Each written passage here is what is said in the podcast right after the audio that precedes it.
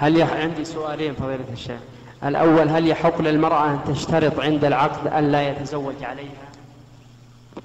نعم.